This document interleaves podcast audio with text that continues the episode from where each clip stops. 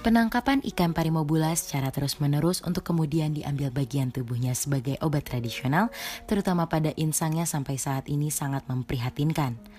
Permintaan yang tinggi akan parimobula ini tidak sebanding dengan reproduksinya yang hanya menghasilkan satu anak per tahunnya.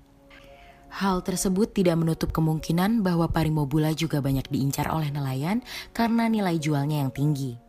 Pertanyaan mendasar mengenai permintaan parimobula ini adalah apakah ada pengaruh langsung dari hasil penjualan parimobula ini terhadap perekonomian di Indonesia.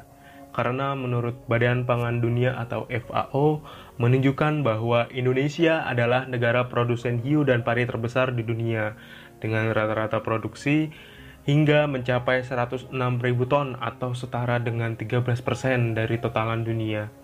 Parimobula ini juga banyak dimanfaatkan sebagai tujuan wisata snorkeling maupun diving yang membuatnya sangat ikonik sekali bagi para turis dan diharapkan bisa membantu menaikkan perekonomian di Indonesia. Wah parah deh lo sis, ngapain sih ngikut-ngikutin gue serius-serius? Yaudah deh, dibandingkan teman-teman yang dengan nanti penasaran, lebih baik dengerin episode kita berikutnya ya yang akan membahas parimobula ditinjau dari aspek ekonomi dan kesehatan. Pastinya kita akan ditemani bersama narasumber yang keren banget.